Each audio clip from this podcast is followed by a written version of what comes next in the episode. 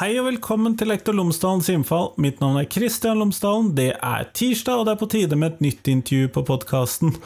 Denne gangen så snakker jeg med Ingunn Marie Eriksen. Hun er forsker ved NOVA og Oslo OsloMet. Hun har vært med på podkasten noen ganger før, og det ligger selvfølgelig lenker til det i shownotesen. Men i denne gangen så skal vi snakke om foreldrepress, vi skal snakke om karakterpress, skolepress, ulike former for press på elevene. Det tror jeg blir interessant. Dette har hun nettopp forsket på. Ellers så er podkasten som alltid sponset av eh, skolen.cdu.no. Hvis du går inn på skolen.cdu.no, så finner du alle Cappelen Dam utdanningsressurser, eh, opplegg, oppgaver, alt sammen, fra Cappelen Dam utdanning. Det dekker alle årstrinn, alle fag, alle emner, alt sammen, for grunnskolen i forbindelse med fagfornyelsen. Så det finner du på skolen.cdu.no. Hørte du der at jeg stablet om på det fra før? Har du hørt nøye nok etter når jeg har sagt reklamen? I hvert fall skolen.cdu.no fra Cappelen Dam utdanning. Men her kommer intervjuet med Ingunn, vær så god.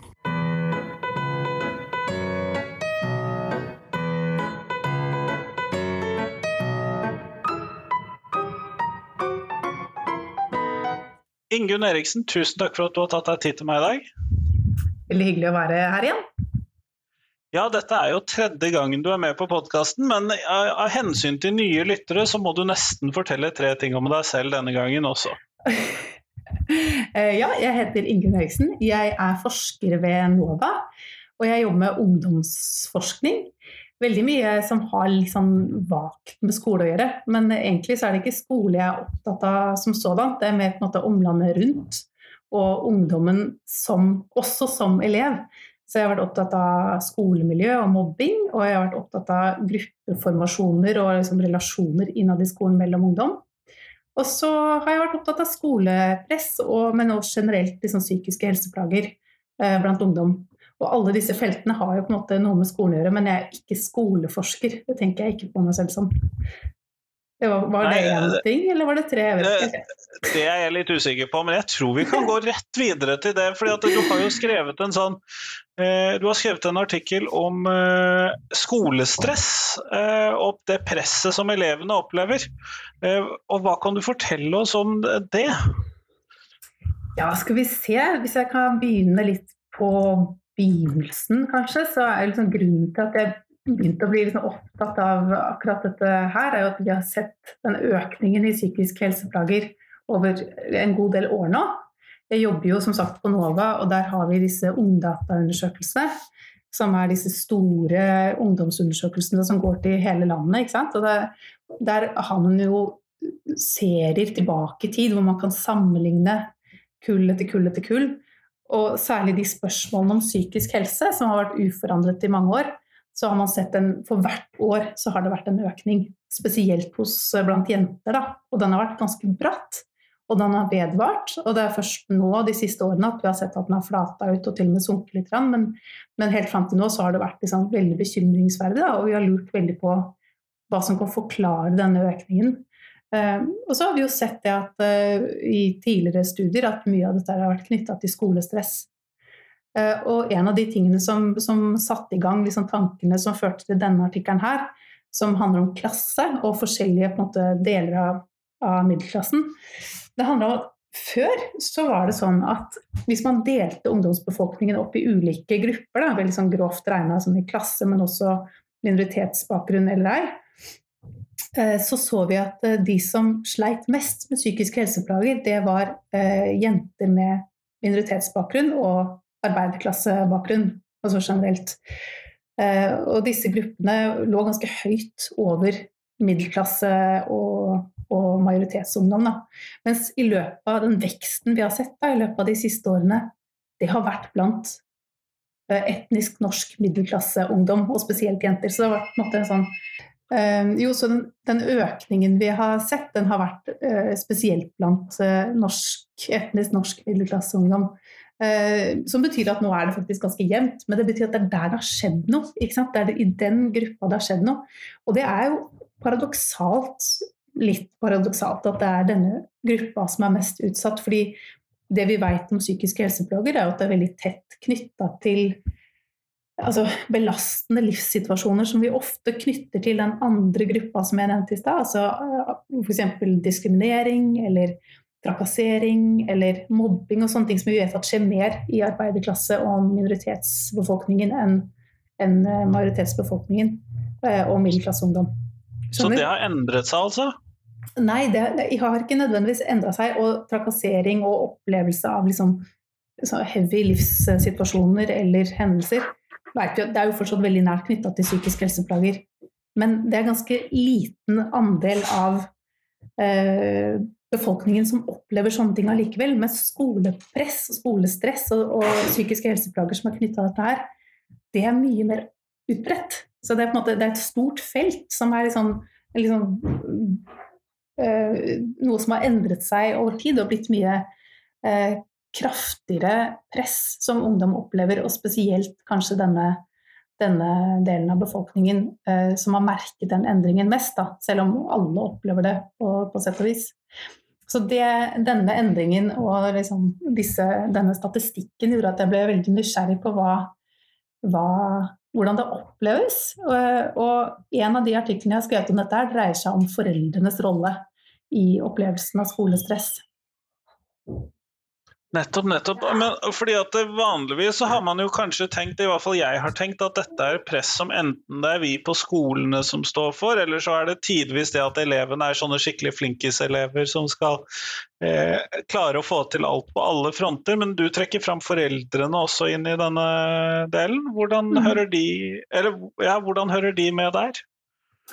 Altså, en av de konklusjonene som mye av forskningen har pekt på, er at dette her er vanskelig å peke på én aktør, fordi det er noe som ikke bare gjelder i Norge, men egentlig i hele den vestlige verden, så har vi sett denne økningen. Så det er jo åpenbart at det ikke er én aktør sin feil, at det er foreldrene sitt feil, eller en altså, lærertype, eller Det handler jo om at hele vestlige samfunnet legger større og større vekt på eh, betydningen av utdanning og, og jobber som krever utdanning, at det er færre og færre muligheter for å unngå eh, Eller finne andre arenaer for altså, suksess i livet, eller velfungerende liv, som ikke innebærer å ta en utdanning, da, eh, inkludert videregående opplæring. Det er på en måte den, liksom, den eneste eh, legitime karriereveien som, som, ungdom ser for seg i dag. Det, og da handler det ikke bare om lærerne eller bare foreldrene, men de er også en del av det. Så det som er interessant med å se på foreldrene, er jo hvorvidt ungdommene opplever dem som eh, en slags portvokter eller, eller eh, noen som på en måte setter rammene for hva ungdommene skal gjøre eller ikke.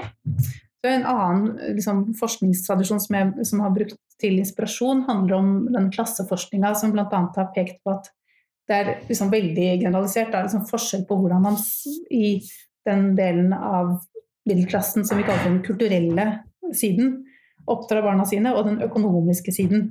Og kort forklart så er den kulturelle middelklassen det er de som er har eh, ofte høyere utdanning og, og, har jobber som typisk akademikere eller lærere eller forlagsbransjen eller forskning eller sånne ting. Eh, og så har du da den økonomiske middelklassen som, har, som har, jobber i typisk finansbransjen eller sånne type ting, og som har gjerne mer økonomisk kapital og ikke nødvendigvis like mye kulturell kapital. Og mye av den klasseforskningen som har sett på disse to fraksjonene, også sett, altså som også har sett på foreldrestiler, har pekt på at grovt sett så er det litt sånn ulik rasjonale i de to eh, delene. Da. Så kulturelle middelklasseforeldre har vært mer opptatt av liksom, at ungene skal finne sin egen eh, motivasjon, de skal være drevet, de skal, skolen skal være gøy. De skal, de skal ønske dette selv? de skal ønske det selv. Det skal være en indre motivasjon, kort sagt. Så foreldrene har sett at å, så, så, gøy at foreldrene dine, nei, så gøy at barnet ditt har vært opptatt av liksom, denne sære interessen. Det må han bare få dyrke, for det kommer sikkert noe godt ut av det. Det viktigste er at han er interessert, og så bygger vi opp under det. også. Men mens sett litt på spissen, så, så, så, er det på en måte liksom motsatt i den økonomiske fraksjonen. At man kanskje har vært mer opptatt av at skolen er noe viktig, og det er noe man må. Eh, men det er ikke det viktigste i livet. Og vi, vi lever ikke for å jobbe, men vi, vi, jobber for å leve. på en måte. Og at, man kan se en større tendens der til at man er opptatt av på en måte, ytre motivasjon, gi premie f.eks. Altså, endelig når du er ferdig med, med denne skoleuka, så, så, er det helg, og da skal du, alt, skal du bare hvile og skal ikke ta i noe som helst faglig. Og, og få premie når du får gode karakterer og, og sånn type ytre motivering. da. Og ikke så opptatt av at alt skal være som indredrevet og gøy og lystbetont, men at, at det allikevel er veldig viktig. da. Og jeg husker at jeg var ganske misunnelig på de som hadde de foreldrene der eh, i deler av min eh, skolegang, hvor de hadde eh, da fikk betalt for femmer- og sekserkarakterer og sånn. Er det noe som du da finner igjen i dette? Mitt prinsipp er, når det gjelder å liksom forske på klasse og sånne grupperinger, er at blir, man blir fort liksom biased hvis man skal gå ut ifra klasseinndelingen i utgangspunktet, og så se liksom hva, hvilken fortelling var det, var det, var det de kulturelle ungdommene fortalte, og hvilken fortelling var det de økonomiske ungdommene fortalte? Og så se på en måte Å ja, se, der ser man et mønster. Eh, for det blir man fort eh, Da overdriver man fort ulikhetene mellom de typene. Så min eh, Min, min Nå kom jeg litt ut av det.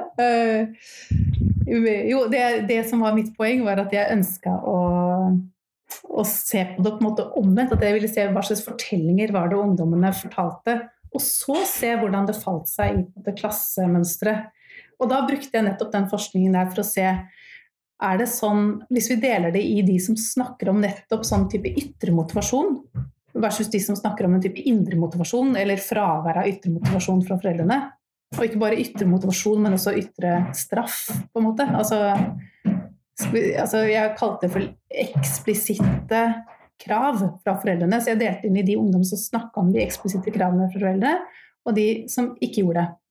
Eh, og da så jeg jo at det fant seg jo nesten helt inn i disse to klasse, eh, klasseinndelingene. Altså. Men ikke helt. Og det er jo på en måte, det er jo ikke noe kjempeviktig poeng, men det er også bare det, Poenget er vel at det er jo ingenting som er så svart-hvitt. Eh, men grovt regna så, så, var det en tendens til at de som fortalte om ytre motivasjon eh, og, og eksplisitte krav fra foreldrene, de hadde foreldrene i den økonomiske fraksjonen av middelklassen. Men når, når, når, du da snakker om eksplisitte krav, hva slags type krav kan det da være snakk om? Nei, altså det var ganske altså, Som en typisk person fra den kulturelle middelklassen, så, så ble jeg ganske overraska over hvor eksplisitte noen av disse kravene var. Altså, alle fikk en eller annen form for belønning for gode karakterer. Eh, og det var stort sett penger eh, for altså de høyere karakterene. Men eh, det var også noen som fikk straff Um, og det, altså en av informantene mine måtte betale foreldrene tilsvarende. Altså hun fikk liksom 50 for en firer, hundrings for en femmer og ja, Jeg husker ikke de summene, men du skjønner, liksom fra fire og opp. Og så måtte hun betale foreldrene tilsvarende hvis hun fikk fra tre og ned. I ja, økende, den var ny økende, for meg. Ja, den, den, var, den, var, ny for meg òg. Så det var, det var sånn type sånn overraskende og ganske sånn tydelig hva det, ikke, det, er ikke noe spørsmål der om hva foreldrene forventer av deg, for å si det slik. Eh, en annen informant fikk også straff i den forstand at han, han kalte det for konsekvenser eh, hvis han fikk dårlige karakterer. Og det, det handla om ikke at han måtte betale foreldrene penger, men at eh, han fikk måte, straff i form av at de tok PlayStation eller mobiltelefonen hans for en hel dag. han var 17 år. da Eh, og, og, da fikk han jo på en måte For en 17-åring å ikke ha mobiltelefon en hel dag er jo en ganske stor straff i mine øyne. Så, og det syns han selv uh, var veldig ålreit. Han, han, var veldig opptatt av at når han fikk barn sjøl, så ville han også fortsette med den type så tydelige konsekvenser. Fordi det ga veldig greie altså Han skjønte på en måte hva han skulle, det var ikke noe tvil. Og det var på en måte opp til han å bare fikse det hvis han fikk dårlige karakterer, i hans, uh, hans syn. Da. Men når vi da ser disse um, forskjellige måtene da foreldrene la press på, hvordan oppfattet uh, disse elevene det, altså at det lå et sånt press fra foreldrene for karakterer? Jeg syns det var veldig mye eh, ambivalens i de fortellingene. Fordi eh, på en måte så snakka de om det presset som utrolig belastende. Altså de, var, og de var veldig åpne på at det var på en måte altså foreldrenes feil. Eh, og at de opplevde det så, så, som så pressa. Og det var også fortellinger som var ganske sånn altså F.eks. at de liksom jobba seg gjennom kyssesyken uten å hvile. og Trente og jobba på skolen og på en måte ikke tok seg tid til å bli frisk fordi det var så mye press, og, og liksom helt åpent sa at det var mamma sin feil, for hun sa jeg måtte, og hvis ikke så kalte hun meg lat. Altså, det var sånn ganske sånne drøye fortellinger, på en måte. Så den der dobbeltheten handler jo om at de var ganske kritiske til foreldrene på den måten. Men samtidig så, så hadde de jo veldig sånn innarbeida de fortellingene om seg selv. Jeg tenkte at jeg, jeg, var jo lat, jeg måtte jo, dette det er kjempeviktig. Uh, og hvis ikke så, så så går det ikke. Og, og, som sagt, sånn som han informaten som da sa i den sammenhengen at han ønska å ha det samme opplegget for sine barn, da, så var det på en måte en sånn anerkjennelse at ja, men det funker jo, det er det som må til for å få det til i denne verden. Så, så, var de på en måte også ganske takknemlige for at foreldrene hjalp dem til å få så De skjønte på en måte at dette her var for deres egne, eget beste, da. Eh, så ganske dobbelt eh, for disse ungdommene. Men samtidig hadde de jo på en måte noen å skylde på. Ikke sant? Fordi når de opplevde sånn ganske, å ha det ganske tungt pga. det, så, så, var det på en måte Det var noen å, å, peke på, da. Ja, fordi at hvis du presser deg selv, og du selv er drivkraften for dette, du, så, så, har du ikke noen andre enn deg selv å legge skylden på, da. Nei, sant, jeg, kan jo, jeg kan jo gå videre til å snakke om dem nå, som gjorde det. For det var jo den andre gruppa. De som ikke ikke hadde foreldre som la sånne eksplisitte krav på seg. Eh, det var de ungdommene som stort sett hadde foreldre i sånn type den kulturelle middelklassen med journalister og akademikere og, og sånn, men det var også noen der som hadde foreldre fra den økonomiske delen, men det var ganske få, da. Eh, disse, det disse hadde til felles, var jo det at de opplevde at eh, Ikke det at foreldrene ikke hadde krav, men at de aldri ble liksom veldig tydelig uttalt, og at det ikke gjorde noe hvis ikke de gjorde det så bra. At de alltid ble, liksom, de ble godtatt for at de prøver så hardt de kunne. og det var veldig mange sånne typer formuleringer at nei, foreldrene mine de, de syns det er det viktigste at jeg gjør alt jeg kan. Og, eh, og, så, og så, når jeg da spør måte, hvor, hvor, kommer forventningene fra altså For dem som hadde høye forventninger til seg selv, altså, hvor kommer disse faglige prestasjonsforventninger fra. Så nei, det kommer fra meg selv, eller, eller, så kommer det bare fra et sted der ute. Fra samfunnet et sted.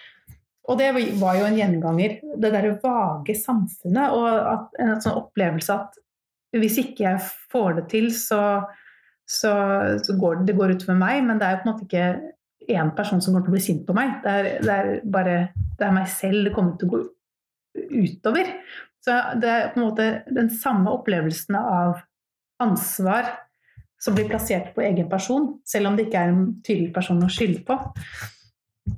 Eh, så det, det er eh, en litt sånn, det er en litt sånn krevende eh, Jeg tror begge, begge, posisjoner er veldig krevende. Og det som var felles for dem, var jo nettopp den der opplevelsen av at hvis ikke jeg får til å få de gode karakterene og komme inn på den utdanningen jeg vil etterpå, så, så er det meg det går utover, og framtiden min, og alt kommer til å gå til helvete. Det er jo på en måte den gjengangeren. Man er jo ikke lite dramatisk i den alderen heller. Nei, man er jo ikke det. det, det men det oppleves jo sånn nå, og det tror jeg er sånn viktig å ta med seg. at Opplevelsen av at du ikke faktisk kommer til å få en framtid hvis du får en firer istedenfor en femmer på den prøven, er veldig viktig å ta med seg. fordi at eh, når det, er en, faktisk en reell opplevelse som får psykiske helsekonsekvenser for de ungdommene det er snakk om. Eh, det vi vet mindre om, er jo om på en måte, vedvarer det. Er det sånn at opplevelsen av stress og press i ungdomstida er for langvarige konsekvenser, eller er dette noe veldig sånn akkurat da? Eh, det er, noe, det er, jo ikke noe, gunstig å ha det sånn i det hele tatt. Men det er, det, det er en viktig del av, av forskningen som vi trenger å vite mer om, er denne opplevelsen om alt går til helvete, og så finner du plutselig ut at det gjorde visst ikke det. Er da alt bra igjen? Eller hvordan blir det, hvordan blir det da? Nei, eh, men jeg husker at jeg ble veldig overrasket når jeg leste disse populær, populærvitenskapelige artiklene som ble skrevet i forbindelse med at du gjorde disse funnene. fordi jeg har jo tenkt på at det er delvis elevene selv, altså denne gruppen som jeg tidligere kalte flinkisene. Eh, og så har vi um, skolen som da gir altfor mange prøver og setter opp og presser på, og du må klare mitt fag og mitt fag og mitt fag og mitt fag. Men her så trekker du rett og slett inn en tredje gruppe, da. Som er med på det. Det hadde ikke jeg egentlig sett for meg, at uh, foreldrene skulle få så stor plass i dette som det, det ser ut som du har gitt dem. Mm. Men så ser vi også at de kanskje altså, at det, det varierer hvor stor plass de har. Da. Man kan jo se for seg en sånn konsentrisk sirkel hvor du har eleven i midten, og så har du måte, familien og foreldrene og vennene, som er den innerste sirkelen, som er på en måte de som på mange måter definerer Særlig som barn og tidlig ungdom, da, og kanskje i mindre grad når du blir eldre. Men den innerste sirkelen av familie og venner eh, vil jo være utrolig viktig for å definere mål og metoder og verdier. ikke sant? Eh, F.eks. utdanningsverdier. Og så har du skolen som setter de formelle kravene, og som selvfølgelig er ekstremt viktig å lasse på med prøver og lekser, eventuelt det motsatte, men som lager forutsetningene for altså hvordan dag til dag skal være. Og så har du på en måte det vage samfunnet og mulighetene i framtiden utafor det igjen, som også spiller en veldig stor rolle, og som alle disse eksisterer innafor. Så foreldrene er jo én av mange viktige brikker. Og det er absolutt sentralt tenker jeg, å se på hvilken rolle de spiller. Men også viktig å anerkjenne at det er forskjellig for forskjellige ungdommer. Men det viktigste poenget tenker jeg, er jo at uh, uansett hvilken stil disse foreldrene hadde, så hadde jo ungdommene like ille. altså, det hadde jo ikke noe å si på en måte for dem om Eller er klart det hadde noe å si, men, men, opplevelsen av stress og ansvar for, for egen uh, læring, ansvar for egen framtid, uh, det ble ikke nevneverdig annerledes, syns jeg, i de to typer fortellingene. Det er jo litt interessant. Men hva kan foreldre gjøre for å eh, Eller kan foreldre gjøre noe for å demme opp for dette stresset? Ja, altså man vil jo kanskje håpe som forelder at ungdommene fortsatt hører en del på en, da. Så man kan jo være med på å dempe og si sånn Men det er jo også, man kan jo gå i den andre grøfta. Og, og, det, det, er jo en vanskelig balansegang mellom å realitetsorientere om at sånn er virkeligheten nå til dags, sånn er kravene der ute, og det å, å dempe det stresset.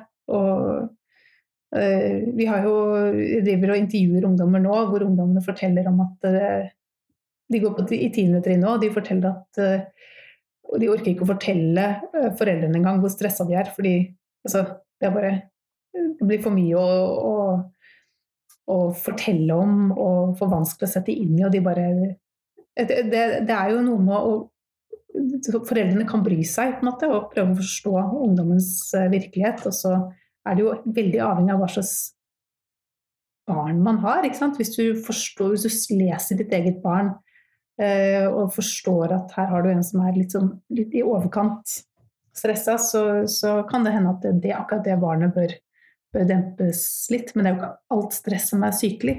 Ofte så er jo altså det er en, en viss grad av stress er det involvert i å, en, eh, å være ambisiøs, f.eks. Og det må man jo anerkjenne og ha litt plass til. Men med en gang det tipper over i, i sånn søvnplager og, og depresjon, i verste fall, så, så, er det klart at da må man jo gjøre noe. Men det du også forteller om her, er jo at her har man eh, gått fra en situasjon hvor de psykiske, psykisk uhelse det har da vært konsentrert rundt da sånne grupper som havner litt på utsiden. Eh, tidligere, når det har vært minoritetsungdom eller uh, ungdommer som lever i vedvarende lavinntektsfamilier eller den typen uh, ting, og der hvor det har vært mobbing og sånn. Men her så er det egentlig snakk om da de ungdommene som i gåseøynene da fikser skolen og fikser samfunnet, er det ikke det? Mm. Men altså, eh, vi vet, altså, det er ikke det at skolepress er, er konsentrert i den delen av befolkningen, det er bare den som har sett mest økning.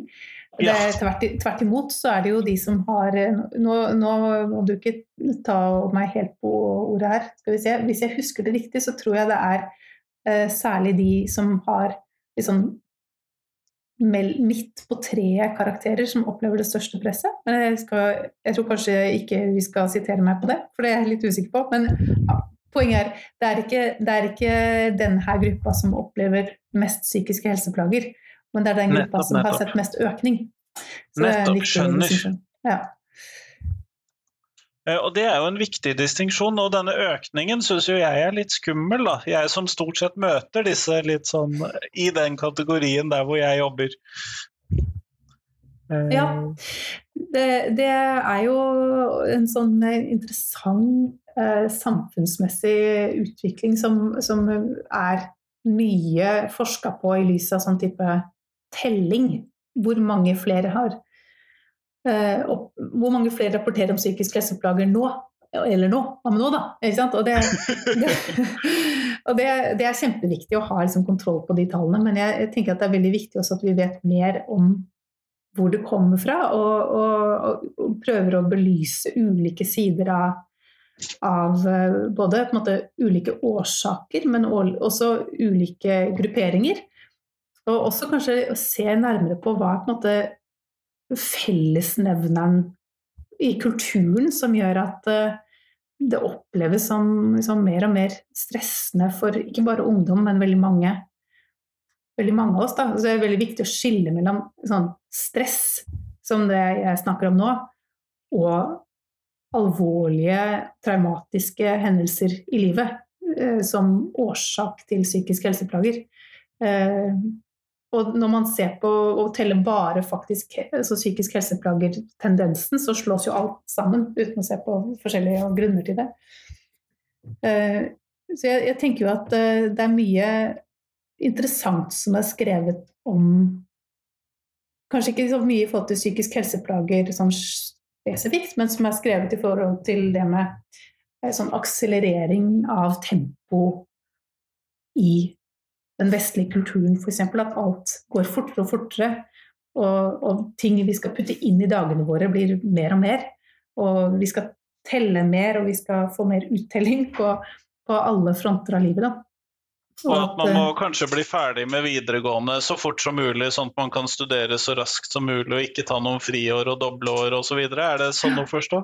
Ja, det er det. Og, og, det, og liksom, typisk veldig godt eksempel med det med liksom å gjøre noe litt unna, eller som kommer litt sånn hvor du på en måte føler at du faller litt ut av den der veldig sterke lineariteten i ungdomstida. At du skal liksom fra akkurat som ungdomstida blir sånn veldig sånn løp som du skal rekke fra A til B, eh, istedenfor å se på ungdomstida som en, en, en, veldig lang periode i livet som, eh, som ikke bare er en slags mellomstasjon mellom barn og voksne, hvor du skal rekke innom og check all the boxes, på en måte. Eh, det å ta et sånt friår er jo eh, selvfølgelig noe som er forbeholdt en viss del av befolkningen igjen. Det er jo ikke alle som har hatt råd til eller sett på det som en mulighet. Det er en slags luksus. Men eh, det er jo interessant nå at det ser ut til at også den typisk middelklasse ungdommen som før kanskje ville tatt det friåret, nå ikke ser på det som at ikke de tar seg råd til det lenger. Og det har jo skolesystemet eller utdanningssystemet litt av skylden for, fordi eh, man får vel man, altså, du, Poengsystemet er laga sånn at du på en måte mister en fordel da, hvis du venter et år. Så det, det, er ikke så lett å gjøre det eh, lenger. Nei, det blir jo kre... Jeg, jeg, skjønner jo det at det er krevende for disse ungdommene og rett og slett det å være ungdommer. Men er det noen sånne ting som disse ungdommene trakk fram som gjorde det enklere for dem, sånn sett i forhold til hva foreldrene kunne gjøre eller skolen kunne gjøre? Var det noen ting som dukket opp der? Som kunne gjøre det enklere for dem? Sånn altså også stå i, stå i presset eller stå i situasjonen, eller lempe på situasjonen? Um, ja, det, ikke, det kommer ikke fram i akkurat den uh, studien der, men uh, fra andre studier så har vi jo sett at det hjelper at foreldrene, og litt yngre ungdommer, da, at foreldrene kan si til dem at de, du på en måte får lov til å ta en pause. Og at av og til så er det det, det de trenger. At du bare, ok, nå har du gjort nok, du får ikke gjort mer nå, nå må du sove. Og at du får den fra en autoritetsfigur, som en forelder ofte er, da, så, så hjelper det. Så vi må hjelpe dem å regulere dem ned litt, da, kanskje? I noen av Ja, men som sagt i stad, så er det jo avhengig av barnet. ikke sant? Så man må jo på en måte kjenne ungen sin og så vite er dette en person som trenger å bli dempa, eller er det en person som trenger oppmuntring til å holde ut litt til. Eller, ja. Men av statistikken så kan vi jo tenke oss at det er ganske mange flere som trenger demping nå enn det, enn det det var før. fall. Nettopp, nettopp. Kjempeflott, Ingunn. Vi går mot slutten av intervjuet, og da skal jeg stille deg det spørsmålet som jeg stiller til alle for tiden. Og hva er de tre viktigste tingene som skolen lærer elevene? Og at du da ikke er skoleforsker, det får så være, så du får ta det ut fra ditt eget perspektiv. Eh, At, hm, kan, jeg, kan jeg heller si hva jeg skulle ønske skolen lærer elevene? Det er en helt åpen tolkning, det. Veldig vid tolkning. Jeg tror jeg ville ønska at de får mer opplæring i eller sånn hverdagslivsting. Altså mat og helse. Jeg savner mat og helse. Altså, det, jeg skjønner at det fortsatt eksisterer som fag, altså, men jeg savner at det faktisk brukes til å lære ungene til å lage mat. Og at de kan komme hjem til mamma og pappa og skal lage middag. En hverdags, ville hjulpet i hverdagen her. Jeg tror det, det, det vil jeg gjerne sett mer av. Liksom hvordan, eh, hvordan klare seg på egen hånd. Og, og lage, ikke klare seg på egen hånd, da, men hvordan lære seg å, å sånn, handle i butikken og lage mat. Og liksom, det meget praktiske ting. Det skulle jeg gjerne sett mer av i skolen. Um, tre ting, ja, det var mye. Jeg skulle gjerne sett mer type sånn fortell, altså skape egne ting. Litt mer sånn kreativt. Altså at man skriver egne fortellinger i norsken eller engelsken, eller lager egne spill når man programmerer, eller sånne, sånne ting. Det skal jeg gjerne sett mer av. Det høres ut som en fin skole, da. Ja, ikke sant? Og og så skulle jeg gjerne kanskje hatt mer natur, altså mer tur i skogen. Mer sånn faktisk eh, uteskole som ikke bare er å sitte ute og ha skole ute, men å faktisk eh, være i, i sånn skauen. Gå tur. Litt mer de praktiske ferdighetene ute i skogen. Ja, plutselig ble det mye praktiske ferdigheter eh, jeg hadde lyst på her, hørte jeg.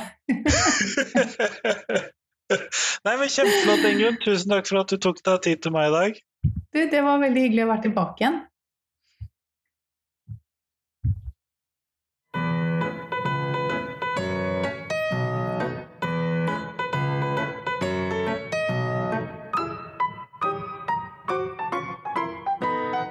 Tusen takk til Ingunn, og tusen takk til deg som hørte på. Nå er det fram til i morgen. Da kommer det en ekstraepisode på podkasten. Det blir den siste ekstraepisoden i forbindelse med valget. Så det blir ikke flere onsdagsepisoder på en stund, får jeg satse på.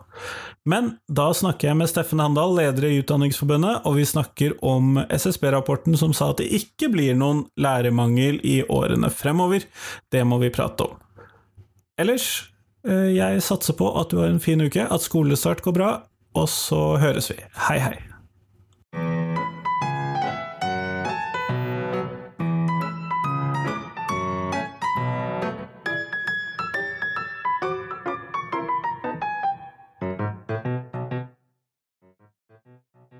Husk at du kan gå inn på Facebook og finne Facebook-gruppen Lektor Lomsdalens innfall hvis du har lyst til å være med og diskutere norsk skole.